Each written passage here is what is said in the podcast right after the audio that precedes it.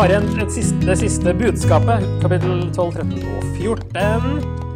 Eh, og der er det fortsatt ikke noe særlig lettere enn det har vært de tre siste forrige kapitlene.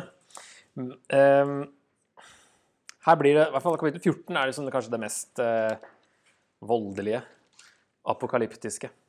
Så vi må prøve igjen, lene oss på Jesus, koke det ned til eh, noe vi kan leve med, og ikke noe som eh, Ikke en tolkning som fører til en tredje verdenskrig, tror jeg er lurt. Så um, hvis vi skal dele opp det her litt, så er kapittel 12 og 13 henger litt sammen. handler om at Jerusalem beleires, men de beskyttes. Og så klager de, og så renses de. Det er liksom the big picture på de to kapitlene. Og så kapittel 14 er om Herrens dag. Det åpner i hvert fall sånn. Se, det kommer en Herrens dag. Og Guds rike som kommer, for når det står at Gud skal være konge over hele jorden, i vers 9. Og her eh, hadde vi et sitat fra Luther. Han sa her i dette kapitlet gir jeg opp, for jeg er ikke sikker på hva profeten snakker om. Nå har han kommet seg, kommet seg helt hit i Zakaria, men nå orker han ikke mer. Å, gi opp, ass. Jeg skjønner ingenting. Jeg tenker Vi tar det Jesus-glimtene først, for å se etterpå hvordan vi kan prøve å sette det sammen. Så Jesus-glimt nummer tre er i 12 vers 9 og 10. Den dagen akter jeg å utrydde alle folkeslagene som kommer mot Jerusalem. Men over Davids hus og over dem som bor i Jerusalem, øser jeg ut en nådens og bønnens ånd. Da skal de se på meg, på ham som de har gjennomboret. De skal klage over ham som en klager over sin eneste sønn, og sørge bittert over ham som en sørger over den førstefødte. Eh, det verset her var et av de som var ansett som messiansk av eh, jødene da, før Jesus eh, kom. Men det var jo utenkelig at dette skulle skje med Gud selv. Det er jo det som var så veldig rart. De skal se på meg, på ham som de har gjennomboret. Det er jo som en sånn dobbelthet der. Meg og ham. Og det går ikke an at Gud blir gjennomboret. Så det var problemet der. Men de aller fleste tekstene, det er vel én bare, som har uh, 'se på ham', uh, som det er gjennomboret. Men jeg lurer på om det er sånn det brukes i Plutselig. Den siteres jo Nå, foregriper jeg begivenhetene litt her. Men jeg måtte plutselig bare sjekke. Så begge deler se meg han. Ja, men uh, se Johannes jo, Johannes 1937, eh, der det siteres, så står det bare de skal se på ham som de har gjennomboret. Så han um, siterer jo bare Ja, han kutter ut 'på meg', da. Trekker det litt sammen. Men det, er, eh, det som er vanskelig, var at det er Gud som skal bli gjennombora, og så er det likevel snakk om en, en ham. Også det som er like sjokkerende, på en måte, er jo at det er Guds eh, eget folk som har gjennomboret Gud. Men likevel så øser han ut en ånd av nåde og bønn. En annen måte å si nådens og bønnens ånd på, er å si en ånd av nåde og bønn. Og det er egentlig som det står på hebraisk, da. At ånden kommer først. Han øser ut en ånd. Og da får vi litt sånne assosiasjoner til Joel først og fremst, eh, og pinsedag, men også Jesaja 32 og Esekel 39 har jo snakka om at Gud skal øse ut sin ånd. Så de innser hva de har gjort. Um, så det er jo mye nåde her, da. For rett før så står det jo at han skal utrydde alle folkeslag som kommer mot Jerusalem. Og, men de som har gjennomboret ham, de skal faktisk utøse en ånd med nåde og bønn i stedet. Og her er det jo ord som eh, eneste sønn og førstefødte og sånne ting, som eh, klinger eh, om Jesus med en gang. Gjenbårne. Um, og som brukes som sagt i Johannes 1937, da når Jesus eh, dør på korset, og han blir gjennomboret eh, konkret av eh, soldaten. En av soldatene stakk ham i siden med et spyd, og straks kom det ut blod og vann. Han som så det, har vitnet om det for at også dere skal tro. Hans vitnesutsagn er sant, og han vet at han taler sant. Dette skjedde for at dette ordet i Skriften skulle bli oppfylt. Ikke et bein skal brytes på ham, og et annet skriftord sier de skal se på ham som de har gjennomboret. Det kan selvfølgelig være eh, korsfestelsen generelt. da. Han ble jo gjennomboret liksom, nagler og sånt. Eh, men Johannes kobler det veldig konkret til at han blir stukket med et spyd. Der er det for så vidt ikke bokstavelig talt jødene som gjør det, det er jo en romer som gjør det. Men at det er jo Guds eh, folk som har ført til at han er på korset. Det er jo de som har villa korsfesta han, selv om de outsourca selve henrettelsen til romerne. De hadde jo ikke lov til å gjøre det sjøl. Um, og så er det brukes også i åpenbaringen 1.7, når Jesus helt i starten der uh, Der er det plutselig blitt mer universelt og handler om gjenkomsten. Uh, se, han kommer med skyene, hvert øye skal se ham, også de som har gjennomboret ham, og alle folkeslag på jorden skal bryte ut i klagerop over ham. Så ser man her i denne oversettelsen, det som står i kursiv, er henta fra GT, og så er det noen ting innimellom som ikke er det, så her er det litt annerledes. Så alle folkeslag på jorden er lagt til, da. Og da har det blitt liksom at eh, alle skal Når Jesus kommer tilbake, så skal alle å si, enten juble eller uh, sørge. Når de innser at de har på en måte gjennomboret han ved å avvise ham. Så det er det tredje Eh, vi ser av Jesus i disse kapitlene. Og så kan vi ta det siste med en gang, nummer fire, i 13.7. Sverd, våkne opp mot min gjeter, mot mannen som står meg nær, sier Herren over herskarene. Slå gjeteren, så sauene blir spredt. Jeg løfter hånden mot de minste. Så her Gud slår sin egen gjeter, og en som står ham nær. Det finner vi igjen i Markus 14 og Matteus 26. Og der det brukes skal vi se, i Matteus, så står det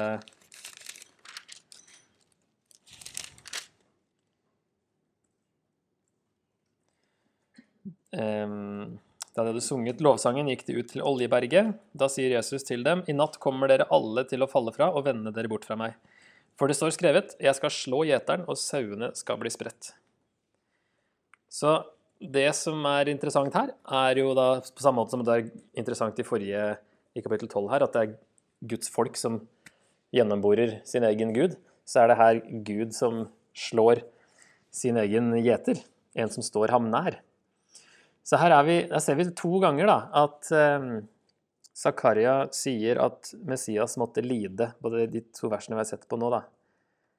Eh, for altså det, første, nei, det forrige i kapittel 12 er jo som vi vet, at når Jesus oppfyller det, så er det jo en måte å harmonisere meg og ham. For når Gud sjøl blir menneske. Så vi kan si at begge handler om Messias, men at, eh, at, han måtte lide for at renselse for synd skulle bli mulig.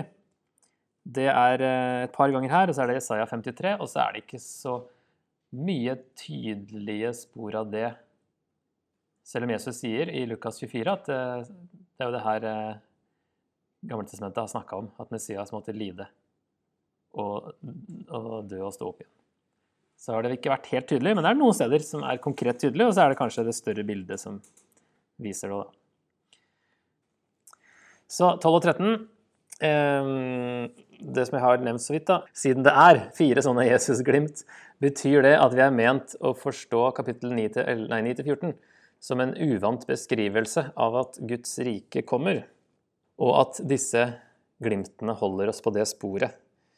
Det er, dukker opp Jesus her og der. Det er liksom det, nesten det eneste vi har å gå på, i hvert fall på slutten her. sånn.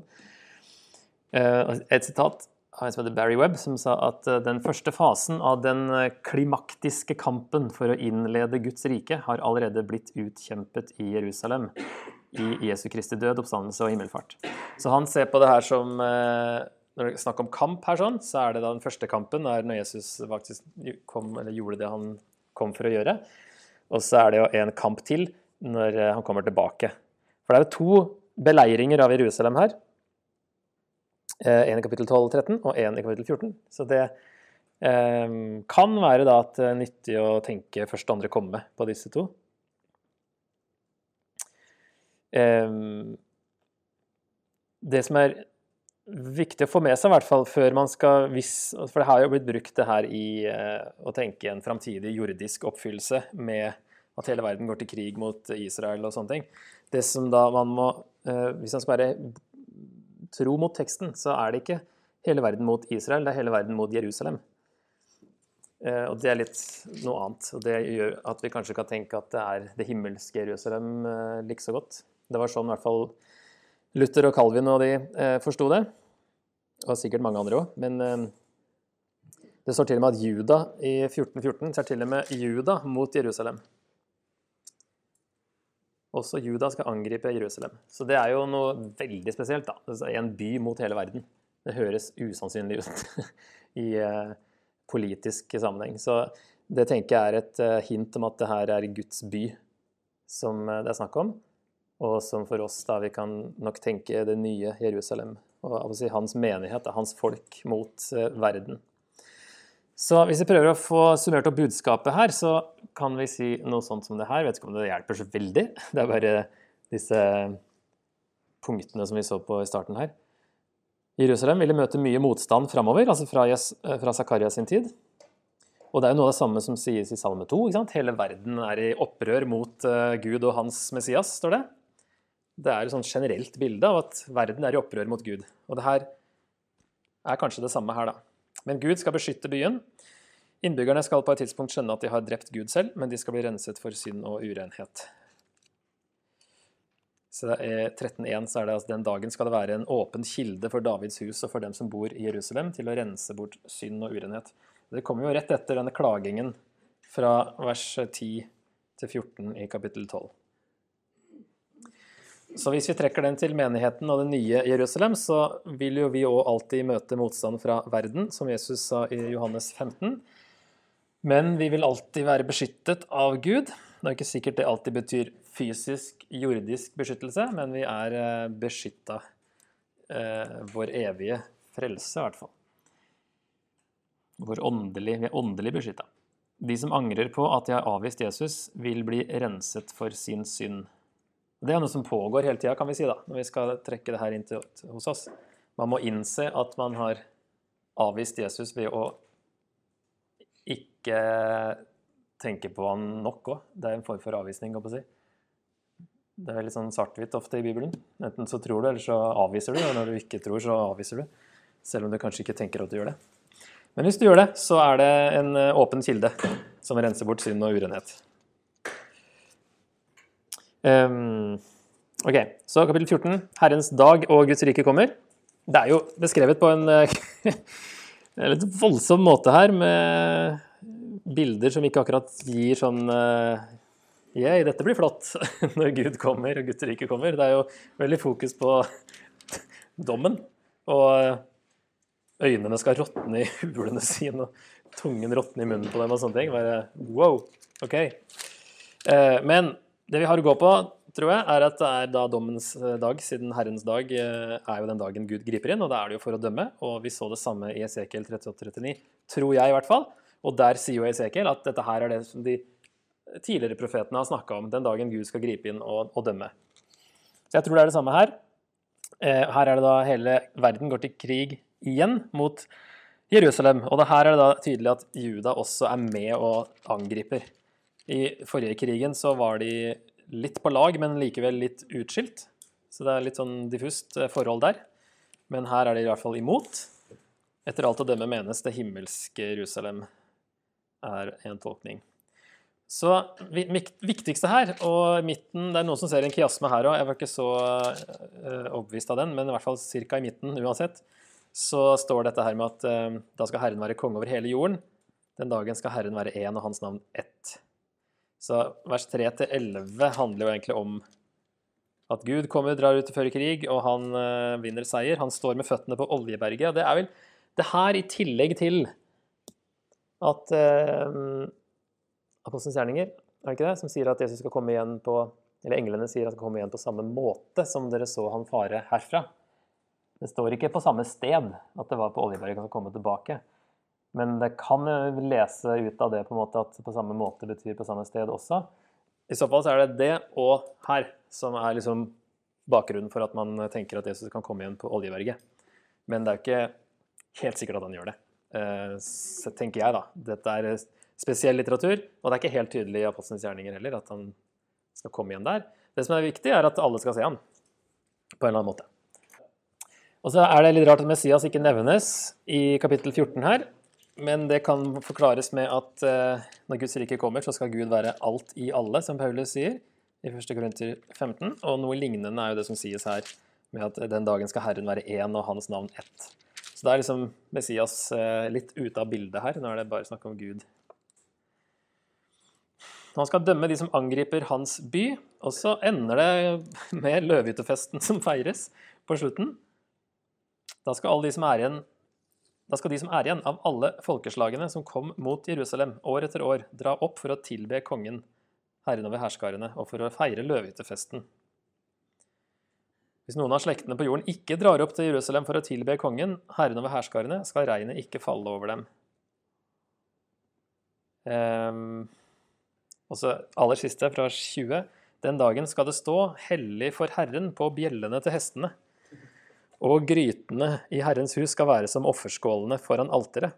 Da skal alle grytene i Jerusalem og Juda være hellige for Herren over herskarene. Og alle som ofrer, skal komme og ta av dem og koke i dem. Den dagen skal det ikke lenger være noe som driver handel i huset til Herren over herskarene. Og ordet for en som driver handel, er også ordet kananeer. Det står ikke i notene her, men det er oversatt med en eh, handelsmann her, men det kan være en kananeer, altså hva nå det vil symbolisere. Men det slutter i hvert fall med at alt er hellig. Til og med hestene, urene dyret hesten, er, eh, til og med bjellene på hestene er, er eh, rene og hellige. Så det er jo, akkurat siste avsnittet her er jo, har et sånn positivt med at alt er hellig. Og her kommer vi inn på dette Johannes 7 igjen, så bør jeg ta det fordi vers 8 så står det også at den dagen skal det renne levende vann, hint, hint, ut fra Jerusalem. Halvparten til havet i øst og halvparten til havet i vest. Slik skal det være både sommer og vinter. Så det er disse eh, elvene som eh, vi leste om i Esekiel 37. Livets elv som renner ut fra tempelet og, og gjenoppretter alt liv i hele jorda. Og så har vi her um, at det skal være levende vann ut fra Jerusalem. Det er samme bilde, og mange av tidligere profetene, småprofetene har vi også sett ender med mye vann eh, øse ut i slutten av eh, Joel. I slutten av Amos er det masse avlinger, som jo trenger masse regn, masse vann. Så det er noe av det samme bildet. Mange av profetene slutter med masse vann. Og det samme gjør Zakaria her. Så har vi kanskje snakka om det før. Tror jeg nevnte at under løvetefesten så ble det lest fra Zakaria 14 disse versene her om, eh, i hvert fall om eh, levende vann og sånne ting. Og Esekel 47 da, om at vann skulle strømme fra tempelet og bringe liv til hele verden.